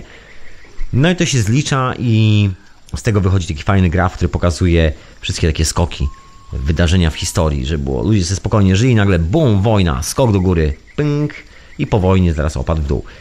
No i mniej więcej tego typu wydarzenia. Pierwsza bomba atomowa, która została zapisana właśnie jako takie pierwsze tak zwane novelity, czyli pierwsze tak, takie wydarzenie w ogóle w historii cywilizacji, przynajmniej nam znanej, tej, którą my pamiętamy fizycznie, nie no i właśnie cała ta koncepcja teorii czasu falowego polegała na zebraniu wszystkich tych krytycznych wydarzeń dla tworzenia się cywilizacji w jedno.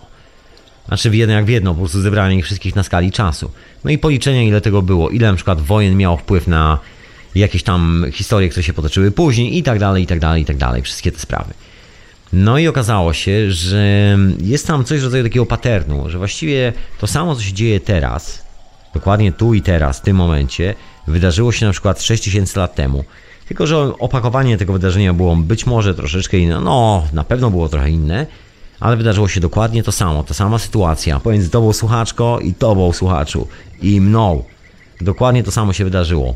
Tylko, że oczywiście w małej skali. I teraz ta skala, ponieważ wszystko przyspiesza, w dziwny sposób nabiera rozpędu, ta skala po prostu wzrasta. I to widać na tym grafie, że ilość tych wydarzeń po prostu dramatycznie rośnie. Ilość tych tak zwanych pierwszych rzeczy, które cywilizacja popełnia, no i doszło do takiego momentu, że właściwie wykonaliśmy już wszystko, co mogliśmy wykonać i teraz robimy taki przewrót do tyłu. Cała koncepcja czasu falowego właśnie operuje tymi patternami. Tak jak sekwencja Fibonacciego, dokładnie na tej samej zasadzie. Mały pattern odpowiada jakiemuś patternowi w tym cyklu, który się wydarzy za jakiś czas, takie interwały. Że trzeba tylko mieć troszeczkę cierpliwości, poczekać sobie trochę i na pewno ta sama sytuacja się wydarzy jeszcze raz dokładnie w tym samym momencie, w tym samym interwale i tak dalej, i tak dalej. To jest ta tajemnicza informacja, która się chowa za horoskopem, za tymi cyklami gwiezdnymi, za przepowiedniami o tym, jak się potoczy nasze życie, jaka gwiazda będzie świeciła nad naszą głową. No nie jest to do końca bajka, jak się okazuje. Jest to związane właśnie z naszym życiem i to dosyć dosłownie. No i właśnie od tej strony intencjonalnej. I to jest chyba taki największy problem właśnie z przepowiedniami, które mamy tak jak wspomniałem, że jednak wygląda na to, że one są od tej troszeczkę drugiej strony, strony intencjonalnej i to stamtąd się pojawia ta fala, która kształtuje całą rzeczywistość. Właśnie z tej intencji, a nie z tej materii. Także ciężko byłoby przewidzieć przyszłość dla materii, która właściwie jako taka nie istnieje w tym przedziale mocy, tak to można określić. Ona jest po prostu niewidoczna. Materia jest dla takiego horoskopu, można powiedzieć, kosmicznego pułapu, absolutnie niewidoczna. Natomiast widoczne doskonale są wszystkie drobne procesy, które sterują naszymi zachowaniami, ponieważ no, według tej terminologii wszystko jest ciałem kosmicznym. Co nie jest zresztą czym nowym, żadnym zdziwieniem i tak dalej, i tak. Po prostu jesteśmy ciałem kosmicznym na kolejnym kosmicznym ciele, które nazwaliśmy planetą Ziemia i sobie w przestrzeni, którą nazwaliśmy kosmosem, także wszyscy jesteśmy kosmicznymi ciałami, czy chcemy, czy nie. No i jako, że jesteśmy kosmicznymi ciałami, obejmują nas sprawa kosmosu. No i tu jest właśnie ten e, rozdźwięk pomiędzy akademicką nauką dzisiejszych czasów, tą oficjalną nauką, a tymi wszystkimi dziwnymi alchemicznymi historiami, przepowiedniami, tymi wszystkimi sprawami, które parkują w naszej intencji, są światem intencjonalnym, światem ducha. No moim zdaniem to chyba właśnie na tym polega. Jest kilka ciekawych takich eksperymentów, które wykonano. Myślę, że doskonale znany bardzo wielu słuchaczom eksperyment intencjonalny, który został dalej jest prowadzony przez taką dużą fundację na całym świecie. Można się zapisać, tam jest taki software, który generuje losowe liczby, dzieją się różne wydarzenia i później zlicza się kumulację tych liczb i generalnie widać w jakim stanie jest globalna świadomość, że coś się dzieje albo czegoś się albo jest cisza na horyzoncie. I się okazuje, że taki pattern jest w zachowaniu. No to teraz jest pytanie, jak skumać te paterny. No Google ma taką dużą placówkę badawczą, tutaj w Londynie i nie tylko w Londynie, bo też w Los Angeles, w takich dużych miastach. Bada się trendy w mieście, szczytuje się z wyszukiwarki wszystkie słowa kluczowe I tam specjalny algorytm sprawdza, co takie przysłowiowe miasto sobie myśli, jaka idea tam krąży, i w ten sposób starają się na przykład oficjalnie mówią przewidzieć inwazję grypy w jakiejś części miasta, no bo od razu się pojawia na SMS-ach, że o, jestem przeziębiony albo coś tam, mam katar. Takie jest oficjalne wytłumaczenie, ale w rzeczywistości no nie po to się bada takie algorytmy, żeby wiedzieć, kiedy jest infekcja kataru. No normalne jest to, że jak ktoś z katarem wejdzie do metra, to zarazi paru ludzi, prawda? Bo w metrze jest dużo ludzi. Także normalne jest to, że w dużych miastach infekcja kataru lubi się rozchodzić, po prostu ma to w swojej naturze. Właściwie okazuje się, że no dużo ludzi, dużo korporacji siedzi i nieustannie bada te cykle po to, żeby znaleźć ten moment, kiedy ich sprzedaż jest najlepsza, a jednocześnie najmniej inwestują w tą całą sprzedaż, tak że zarabiało trzy razy więcej niż normalnie. I to jest takie normalne zjawisko i to jest właśnie to przewidywanie przyszłości. Zresztą, co tu dużo nie mówić, granie na giełdzie jest takim przewidywaniem przyszłości. Są oczywiście te automaty ustawione do zarabiania kasy, czyli oprogramowanie, które gra za tych wszystkich maklerów, które tak naprawdę robi kasę, ale jest pula transakcji, która dalej jest wykonywana przez ludzi i to do tej pory działa na zasadzie przepowiedni, na zasadzie takiego wróżenia jak z kart, jak z fusów, jak z kawy, jak z rzucanie wnętrznościami dzikich zwierząt o ścianę. To jest takie wróżenie, bo nikt tak naprawdę do końca nie wie, co się wydarzy następnego dnia, jakie spółki pójdą w górę, jakie wydarzenia na świecie są zaplanowane i tak dalej, i tak dalej. Także jest to taka gra z jednym wielkim znakiem zapytania na koniec dnia.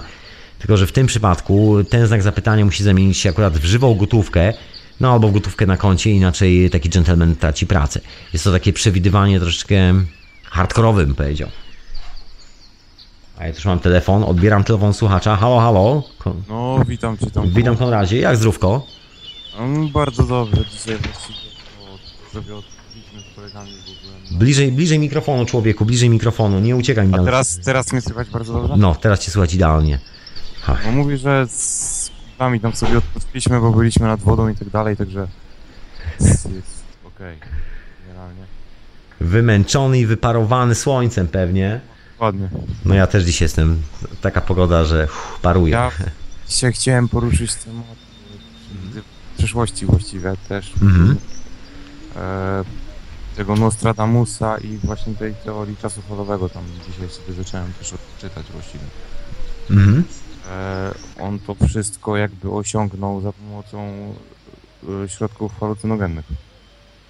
No taka jest pierwsza koncepcja. Jest, jest taka historia, która mówi o, lustr, o lustrach, że Nostradamus miał lustra. Jest coś takiego, co się nazywa zwierciadła Kozriewa? Coś w tym stylu. Jest taka ciekawa konstrukcja, która powoduje, że widzimy dziwne rzeczy też. A ja podejrzewam, że używał obydwu rzeczy. Bo są takie zapiski, że muchomory i kilka innych spraw, tak. Znał się na ziołach chłopak. Znaczy, bo on tutaj też wspomniał, że ten Terence McKenna pod wpływem właśnie tych halucynogennych środków e, A bo myślałem, że Nostradamus mówisz. Yy, Bo Terence McKenna to tak, to piewca psylocybiny.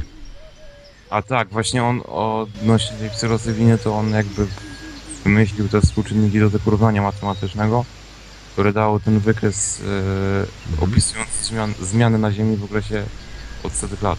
Otóż to dokładnie. Mhm. I to było też związane z tym gwałtownym przyrostem świadomości ludzkiej. Między innymi. W sensie ogólnie no świadomości. No dokładnie, dokładnie. I właśnie też on ze swoim bratem pod wpływem tego trzytygodniowego tripa chyba. Co tam Dokładnie.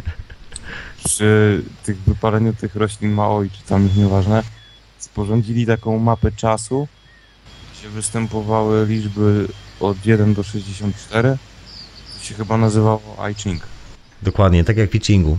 Ten sam przelicznik, czyli 64 paterny wszystkiego i wraca do punktu wyjścia. Ciekawa historia. To jest właśnie związane z tymi procesami w ogóle dookoła. I tak gdyby spojrzeć się na to przewidywanie właśnie od tej strony troszeczkę bardziej matematycznej, ja na razie nie mówię, żeby skręcać od razu w jakąś alchemię, ale takiej nawet kosmologicznej, współczesnej, astronomicznej, trochę ma to racji. To już przestaje być taką bajką. Mi się wydaje też, że to takie przewidywanie można też do prawdopodobieństwa odnieść. W sensie, wiesz, z matematycznej strony, nie? Że na przykład rzucasz monetą Mhm. i ileś tam razy ci wypadnie orzeł, a ileś razy reszka, bądź tam są takie Hmm. drzewka, za pomocą których wyliczasz yy, prawdopodobieństwo. nie? Tak, Tam- tylko że, tylko że prawdopodobieństwa jest chyba. mm, Masz chyba cztery różne wzory na wyliczanie końcowego wyniku i właściwie nigdy nie wiadomo, którym wzorem liczyć, bo właściwie każdy z tych autorów, każdego innego wzoru upiera się, że jego wzór jest w sumie taki najlepszy. No i nie wiadomo. I jest ten eksperyment z tymi kulkami w ogóle w dużym dzbanku, że jak weźmiesz małą społeczność wioski, weźmiesz taki duży dzbanek, nasypiesz tam kulek, ten dzbanek będzie miał metr albo półtorej wysokości, no kolorowe kulki, żeby na podstawie tego, ile kulek ma w garści, oszacował, ile jest słoiku. Nikt nie jest w stanie oszacować, nawet w przybliżeniu w ogóle Tak, zbliżyć tak, się tak. do liczby. Natomiast wiesz, jeżeli cała społeczność zagłosuje i każdy powie swoją liczbę i to się wszystko sumuje razem, to zawsze mają rację. No tak, Fenomen. Pattern przyszłości.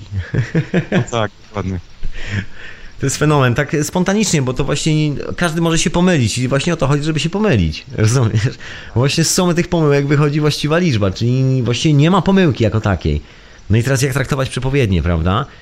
Bo my mówimy, że coś przepowiadamy, że jest jakieś wydarzenie, które jeszcze się nie wydarzyło i mamy na nie wpływ. A to się okazuje, że właściwie wszystko jest tak wiadome. Nawet numery znamy, numery kulek w słoiku, których się dowiemy być może jutro. Ile ich jest oczywiście. Właśnie ten, tą całą teorię McKenna mi się wydaje, że można też odnieść do e, fizyki kwantowej, ale w sensie, czekaj, jak to powiedzieć? Mam na myśli po prostu, że jest ten ta myśl odnośnie tej Są dwa punkty, że rejestrujemy obecność dwóch punktów. Te, przestrzeni. Znaczy, teraz mówię o tej funkcji falowej po prostu, że jest okay. Schrödingera, nie? W, w, Mhm. w tym kierunku mniej więcej, że to też obrazuje położenie cząstki w przestrzeni. No i tu tak też mi się wydaje, że wzór falowy, no bo to też mi się wydaje, że to jest jakby wspólna rzecz. Jakby. No może tak być. Tym się zajmowali tacy dżentelmeni, którzy tam szukali przywolnej energii jeszcze 100 lat temu.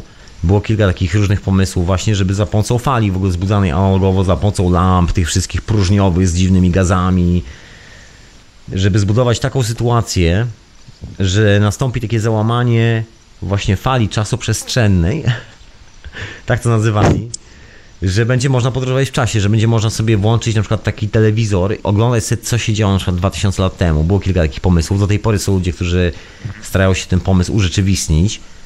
Jakby jest ku temu podpora, jakby taka logiczna, bo wszystko jest rezonansem. Jeżeli to działa w ten sposób, to historia już jest zapisana, tylko się cofnąć i otworzyć tą informację z przeszłości. Ona jest właściwie wszędzie. Weźmiesz każdy kryształ do ręki, to jest zapisane, bo to jest taka fraktalna struktura informacji.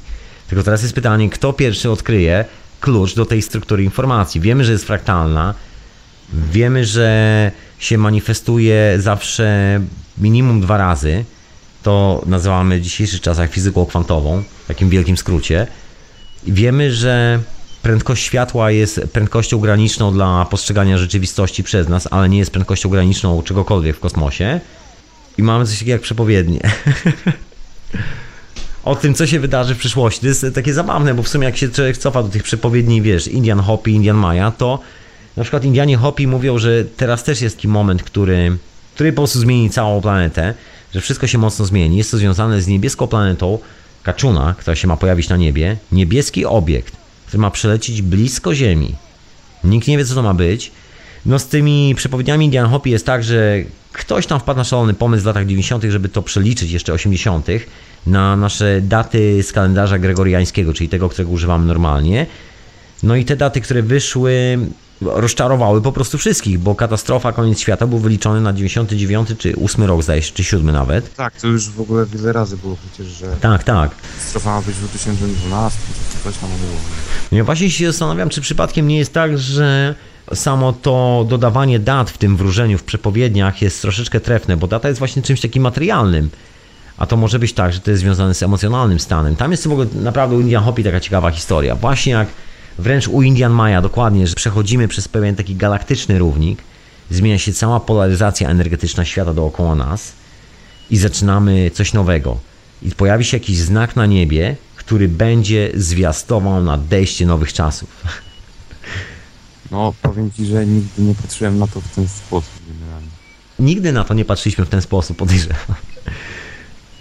I jak się okazuje, bo oni się posługiwali tym patternem historii. To właśnie troszeczkę jak w tym, bo dla- dlaczego wspomniałem o Trensie McKennie i jego równaniu tego czasu falowego. jeżeli przyłożymy ten pomysł, tą koncepcję matematyczną, że to się da wyliczyć, że jest ten pattern, który się powtarza, on jest raz większy, raz mniejszy, te interwały elegancko się zliczają i tak dalej, i tak dalej. Czyli po prostu mówiąc w skrócie, możemy przepowiedzieć, co się mniej więcej wydarzy w przyszłości, jakby taki stan emocjonalny po ilości wydarzeń, czy będzie dużo, czy mało. I się okazuje, że podobny mechanizm działa doskonale przy przeliczaniu tych przepowiedni Ian Hopi oraz przepowiedni chociażby właśnie zawartych, jak co po niektórzy twierdzą, w piramidzie, w tym tunelu. Że to są takie rzeczy, które się doskonale pokrywają. Oczywiście można zawsze interpretować po swojemu, no ale tu już jest osobna historia.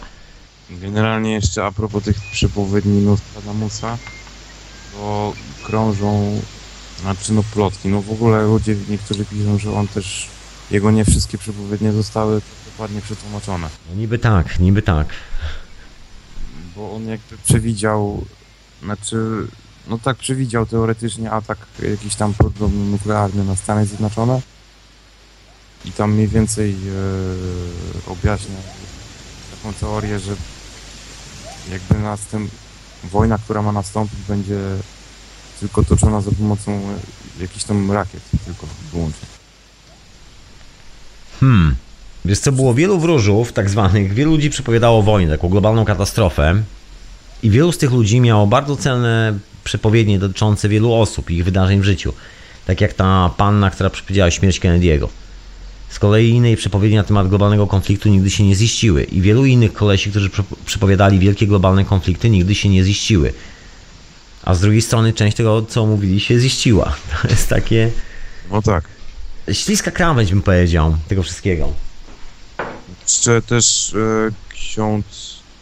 Jak on miał? Klimuszko. Słyszałeś o nim na pewno. Słyszałem o, o księdzu Klimuszko. To też takie przepowiednie, które no, można mocno to interpretować właściwie w dowolną stronę. Właśnie on też na zamach na naszego papieża przewidział prawdopodobnie. Bodajże. I też czytałem o takiej przepowiedni, że Polska będzie najbardziej wychwalanym narodem na świecie, że tam będzie, wiesz, jakieś nowe prawo się pojawiało, czy coś w tym stylu. I że jak będzie jakiś tam kataklizm, czy tam koniec świata, to prawdopodobnie Polskę to ominie. E... No ciekawe, ciekawe. Ja to zawsze z takim dystansem przyjmuję, bo tak, w każdym kraju są tacy kolesi, którzy mówią, że ten kraj ocaleje i że będzie katastrofa i że ten kraj jest jedynym miejscem na świecie, w którym powinieneś w ogóle w tym momencie być. Jest coś takiego. Ale ile w tym prawdy jest, nie wiem. Nie mam do tego pojęcia. Brzmi dziwnie. Tyle, tyle możemy stwierdzić. Jak na razie nie widać ani grama tego paternu, o którym mówiłby Klimuszko. W zachowaniu takim na co dzień. Ten, ten ksiądz, tak przepowiedział, że będzie taki super raj na ziemi, prawda? Jak na razie ten pattern wygląda zupełnie inaczej. To jest trochę jak u Indian, którzy troszkę inaczej reagują na to, bo bardziej starają się widzieć te paterny. A tu dołączam drugiego słuchacza. Halo, halo, witam Konradzie. Y, Cześć Tomku. O, witam, Cześć. jak możesz się ściszyć na mikrofonie tak dosyć mocno. Prawda, przy okazji tematów, jakie poruszasz, Mhm. mhm. pomnę parę słów o moich doświadczeniach. Y, Z pewną kobietką, wiesz, do... był taki czas, że byłem bardzo sceptycznie nastawiony do wszelkiego rodzaju wróżb, jakichś tam tarotów, pitchingów, Mhm. run, prawda, do astrologii, do, dopóki się na własnej skórze nie przekonałem, y, że, coś w tym faktycznie jest. I powiem Ci, poznałem bardzo ciekawą kobietkę, która mi no, wywróżyła, wiesz, mi i wielu osobom rzeczy, które się faktycznie sprawdziły. I bywało, że coś naprawdę bardzo niedobrego wyszło w tym tarocie. I wtedy kobitka ta twierdziła, że potrafi tą złą przepowiednię odwrócić. Y, A robiła to za pomocą wahadła, takiego wahadła radiestezyjnego, dosyć Mhm. dużego, takiego naprawdę no, dosyć sporych rozmiarów. I stwierdziła, że jest w stanie zmienić energię. I faktycznie powiem Ci, że o ile y, bardzo trafnie, prawda, sprawdzały się te wszystkie, w większości te przepowiednie, które tam strata wychodziła, wychodziły, y, o tyle te najgorsze, które tam, prawda, przewidziała i następnie odwróciła te wszystkie energie, które jakoś tam y, by- były związane z tymi złymi wydarzeniami, faktycznie się nie, nie wydarzały, wiesz, i no, Mhm. Słuchaj, a miała jakieś na przykład takie rzeczy, że się na przykład nie sprawdziły? Jeżeli się nie sprawdziły, to co to było? Bo taki jestem, wiesz, zaintrygowany tym, tym całym tematem z przepowiedniami, mam taką refleksję, że to właśnie dotyczy całego tego intencyjnego świata. Że właściwie tylko to można przewidzieć, że nie możesz przewidzieć tego, czy będziesz bogaty, czy będziesz biedny, że będziesz miał dużo, czy mało, ale możesz przewidzieć tylko swoje intencje poniekąd.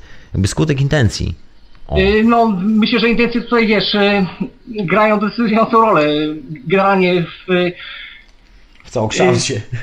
y, dokładnie, ja nawet czytałem, zdaje się chyba u Bradena, że y, jeżeli tam odpowiednia prawda ilość osób, jakaś tam, jakiś tam procent społeczeństwa się zbierze i wspólnie jakąś tam intencję wyraża, Dokładnie 10% jest potrzebny. tak, 10%, y, y, to wtedy to faktycznie te intencje się spełniają, prawda? Indeed, to Jeszcze- prawda. Także na pewno to ma wpływ, ale mm, też czytałem jakąś teorię, już nie pamiętam u kogo, że podobno istnieje tam jakaś tam nieskończona liczba wariantów, prawda? Z których sobie po prostu można odpowiedni wybrać. I to to by się zgadzało w sumie z tym żelem. Kwestia wysłania tej intencji. Otóż to. Bo jeżeli jesteś sferą, no to właściwie jako sfera tworzysz te intencje jako punkty zewnętrzne, prawda? Czyli granie Tak. tych punktów jest dokładnie tyle, ile, ile multiplikacje tych miejsc, w których możesz wystartować ze swojej sfery. No. Taka Mhm. multiplikacja troszkę. Nie wiem, czy ja to poprawnie powiedziałem, bo to radio powinien chyba wziąć i narysować, a nie ma takiej opcji. Tak, ale mniej więcej wiem o co chodzi. Ta- Tak mi się przynajmniej wydaje. Po prostu ilość, ilość punktów no, na... Ach nie, nie będę motał, nie będę tego tłumaczył dokładnie. Ilość Zostawiam ten... punktów na rozszerzającym się balonie, bo to chyba o to ci chodziło. Czy... Dokładnie. Ilość punktów na, Tak. na okrągłej piłce po prostu jest zawsze, no zawsze jest y, niezliczona i zawsze ją zapełnić cały kosmos dookoła piłki. Przy tych punktów referencyjnych na zewnątrz nig- nigdy nie zabraknie. Jakby ilość opcji jest niezliczona. Tak, dokładnie. Yy, ale to też, yy, prawda, wszystko jest, wiesz, od, od tamtego czasu, właśnie od czasu spotkania tej kobiety, o której wspominałem, zainteresowałem się generalnie astrologią, no, wszelkimi, yy, prawda, rzeczami związanymi właśnie yy, z energiami, wiesz, z jakimś przewidywaniem przyszłości. W zasadzie czytam ogólnie jakieś tam informacje, zbieram, yy, w żadną z tych dziedzin się nie zagłębiam, tak żeby ją opanować perfekcyjnie. W każdym razie dochodzę do takich wniosków, że tak naprawdę to sami sobie w pewien sposób tworzymy przyszłość. No na to wygląda, proszę pana, że pewne wydarzenia są zapisane. Wiadomo, że będzie na przykład ciężko. No tak można Na pewnych interpretować. punktach powiedzmy w grze komputerowej, ale prawda, jak się tam w tym danym punkcie prawda, jak, nie wiem, grałeś pewnie w kiedyś w jakieś tam Jasne. FPS-y. No, także zawsze masz jakiegoś tam bossa na którymś tam levelu, prawda, takiej strzelanki i no to jest najtrudniejszy przeciwnik do rozwalenia. Tak, to prawda. I to trochę tak wygląda, jakby ta cała przypowieść była właśnie z tym y, związana. Tak, Tak, dosyć dokładnie. mocno. Tak, a te wszystkie, prawda, mm, całą tą drogę, którą prawda, tego bo- bossa prowadzi, to sobie w zasadzie można w większości gier, prawda, przejść no, na pie- 50 różnych sposobów, prawda? To się zgadza. To się Tak, zgadza. Zresztą- pewne jakieś stałe punkty. Dokładnie. Zresztą też jakby droga tutaj nie gra roli, bo drogę jest najłatwiej opisać, bo ona się właściwie nigdy nie zmienia, zawsze jest stała i jeżeli spojrzymy na to od strony właśnie tej teorii czasu falowego i od strony tego, o czym mówią Indianie Hopi i całych tych opowieści o tym e, fraktalu, o tym paternie czasu, no to wygląda, że właściwie najłatwiej jest przewidzieć, co się wydarzy w przyszłości dla cywilizacji. To jest w sumie takie najprostsze do znalezienia. W sumie nie powinno stwarzać żadnych problemów. Wszystkie takie zwroty cywilizacyjne są jasno już określone na tej całej skali czasowej, dla nas li- linearnej z tej perspektywy. No i wiemy, kiedy coś się wydarzy. I jest to jedna z takich hipotez, że wszystkie te budynki pokazują nam konkretnie takie momenty, ok, chłopaki, tu będzie łatwo, tu będzie ciężko, tu będzie tak, tu będzie siak, a i tak możecie robić co chcecie. No to jest prawda. Czy mi się wydaje przede wszystkim, że w ogóle e, przyszłość to też tak zależy od naszych wyborów, no bo przypuśćmy, że każdy ma jakieś tam własne przeznaczenie i tak dalej, ale to jak postąpimy, to w większości zależy od nas też, mm, między innymi, no, No tak, to jest, to jest ten pattern, który możemy powtórzyć albo nie. że powiedzmy, nie wiem, ktoś komuś coś przypowie, że wydarzy się to i to i to, ale jeżeli nie zrobisz e, tam tych kilku rzeczy, to powiedzmy to się nie zdarzy i wydarzy się co, coś zupełnie innego. No trochę jak na zasadzie, że jak nie wybijesz okna, to nie będzie kłopotów. trochę w ten sposób. E, wiesz co, Tomku, mam pewne pytanie, bo Mhm. Mogliby się wtrącić do dyskusji ewentualnie, jeżeli nie masz nic przeciwko. Śmiało, zapraszam, zapraszam. No witam Tomku. Witam serdecznie. Ja teraz póki jestem z, z myślą, to y, kolega powiedział teraz właśnie, że możesz postąpić prawidłowo lub nie, czyli po zrobić ten problem, y, rozwiązać go, y, powiedzmy pomijając jakąś tam czynność, która została ci prze, przepowiedziana. Powiedzmy, że zostaniesz potrącony przez samochód. Y, dajmy na to poda ci kolor, ale nie da ci marki. No i Mhm. teraz tego samochodu. E, do czego dążę? Zaraz się pogubię. Chodzi mi o to, że unikając tego problemu, możemy na niego się nadziać i to tak dosłownie. Wiesz co, też tak to wygląda. No. Także mówię, tak, y, jeżeli chodzi o to takie przepowiadanie przyszłości i wiedząc coś z przyszłości, da, da, y, y, ktoś ob, obdarując nas takim y, skrawkiem przyszłości może zaburzyć tę przyszłość i spowodować jeszcze większą katastrofę. To prawda. Słuchajcie, ja oglądałem ostatnio taki film, czeską komedię sobie przypomniałem, taki stary film właśnie o podróżach w czasie. Że jest biuro podróży y, i można sobie wynająć wycieczkę w czasie. Nazywa się, żebym nie skłamał, y, Herbata, którą oblałem się jutro rano. Tak się nazywa ta komedia. I tam jest dokładnie taki paradoks.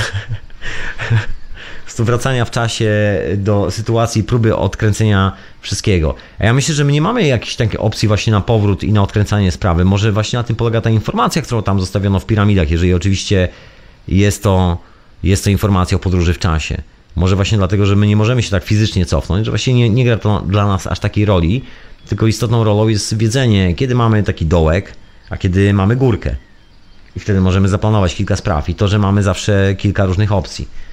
No i tam jest ta dziwna opcja właśnie związana z tym, że świat się rozejdzie. I to jest dokładnie to samo, co u Indian Hop i u, i u Maja. I po prostu to jest takie bardzo intrygujące. Jedna też z przypowiedni mówi, że Ziemia się przebiegunuje, ale to tak bardziej e, w sensie naukowym to jest. Nie wiem, czy mi się wydaje, że w ogóle to jest możliwe, ale przykładowo było parę informacji kiedyś na temat taki, że na przykład dookoła Ziemi słychać jakieś tam dziwne odgłosy. I niektórzy mówili, że na przykład zbliża się apokalipsa, jakieś tam trąby jerychońskie, a właśnie niektórzy mówili, że Ziemia się przebiegunowuje. I tutaj gdzie niegdzie jakby niedaleko, znaczy no tu gdzie mieszkamy praktycznie, no to też było słychać jakieś dziwne odgłosy, nie no to tam. Hmm. No całkiem możliwe, całkiem możliwe. I don't know. To jest też dosyć bar bardzo ciekawa koncepcja. Jest ciekawe, proszę pana. Z tymi trzęsieniami ziemi to w ogóle jest taka no, intrygująca historia. historia. Nie będę tego rozwijał teraz, ale jest, jest kilka bardzo ciekawych badań na ten temat, skąd to się poniekąd w cudzysłowie bierze. Ale co zostawię teraz? Zostawię teraz trzęsące historie. To może jakaś przerwa na muzyczkę, proszę panów. No dobrze, to ewentualnie się odezwę w wieczorowej porze jeszcze. Dokładnie, zapraszam serdecznie. Dobra. Dzięki wielkie za telefon. Pozdrawiam. Wzajemnie, do usłyszenia. Do usłyszenia. To były telefony od słuchaczy. A teraz czas na jakąś muzyczkę, moi drodzy. Ja tu sobie łyknę trochę herbaty. Bo naprawdę dzień taki, no ciepły bym powiedział. I czuję tą ciepłotę dnia. Czuję, że paruje. Muszę było uzupełnić płyny. A tymczasem odrobina muzyczki, a wysłuchacie hiperprzestrzeni w radio na fali. Jeżeli chcecie się odezwać, to radionafali.com, tak jest adres na Skype'ie. Ale dajcie mi parę chwil, powiem o co chodzi z tym Edgarem Casey i tymi dziwnymi historiami w przepowiedniach. Bo to, że mamy czasami taki problem, no czasami ma- mamy problem ze zdefiniowaniem, czym jest ta przepowiednia, czym jest czas, gdzie my w tym wszystkim tkwimy, to jest kilka spraw, które działa. Właściwie to są najbardziej zaskakujące historie w tej całej opowieści. A tymczasem muzyczka.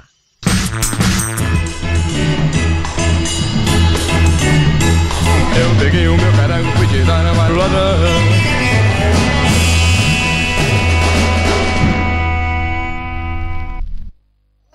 To był rock and roll prosto z winyla, a wysłuchajcie hiperprzestrzeni w Radio Fali, a na imię Tomek i zmierzam do tego, do tego clue tych wszystkich przepowiedni. Znaczy, no nie jest to jedyne clue, ale jest to takie spektakularne.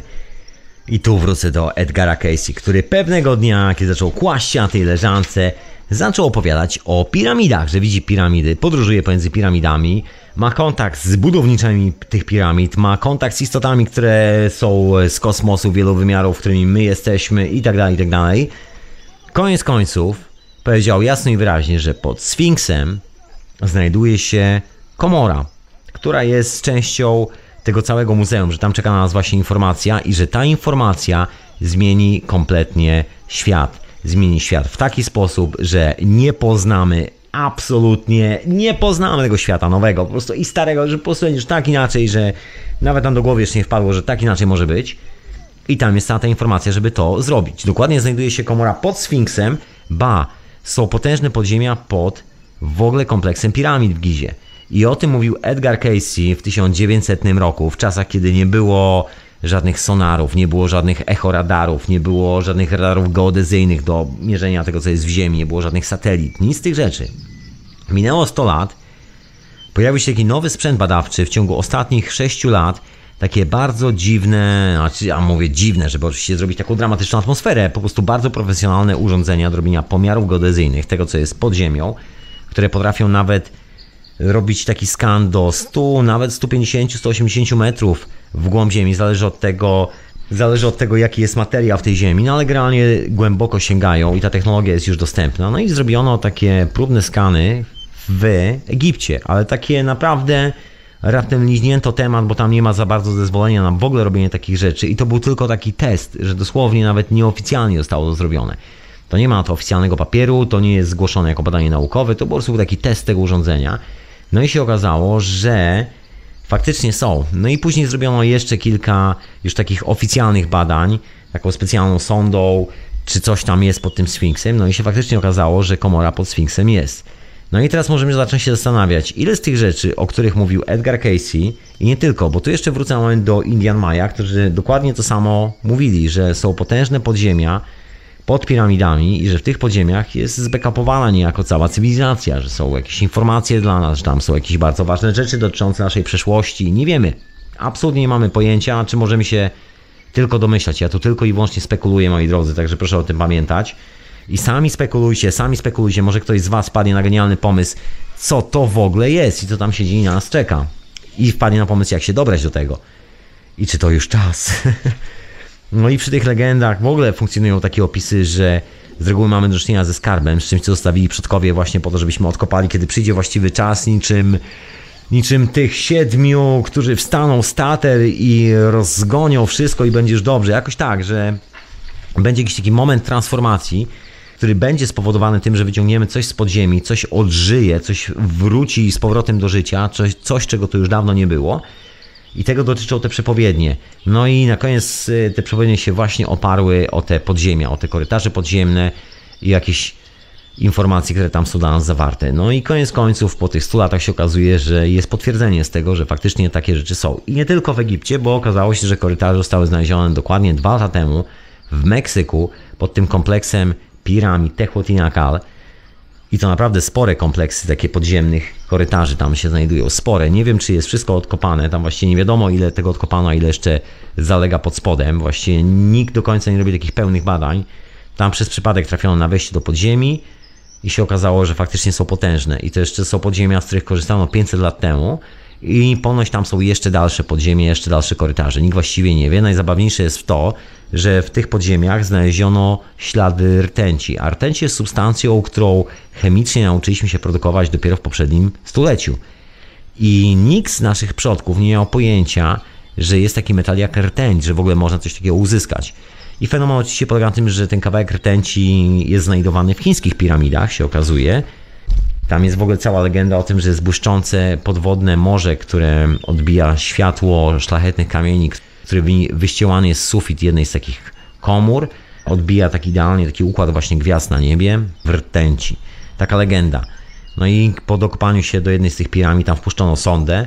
Okazało się, że faktycznie musi być tam rtęć w środku. No oczywiście sondę wyjęto, wszystko zaklajstrowano, zablokowano, zamknięto i chiński rząd stwierdził, że to jeszcze nie jest czas, żeby piramidy zostały otwarte. Oni czekają, jak przyjdzie odpowiedni czas, i odpowiednia technologia, bo oni tam oficjalnie się oczywiście tłumaczą tym, że nie mają technologii, która by zapewniła tym potencjalnym znaleziskom przetrwanie w dobrej kondycji, eksplorację owych podziemi, ale już oficjalnie się przyznali, że faktycznie te podziemia są i że są tam dziwne rzeczy. Tam jest odwołanie do pierwszej dynastii i tak dalej, i tak dalej, ale właściwie nikt do końca nie wie, czy jest to tylko i wyłącznie pierwsza dynastia, czy są to rzeczy, które właściwie pierwsza dynastia wrzuciła do, do tego grobowca, żeby ocalał kawałek historii z tego, co się działo jeszcze grubo przed nimi.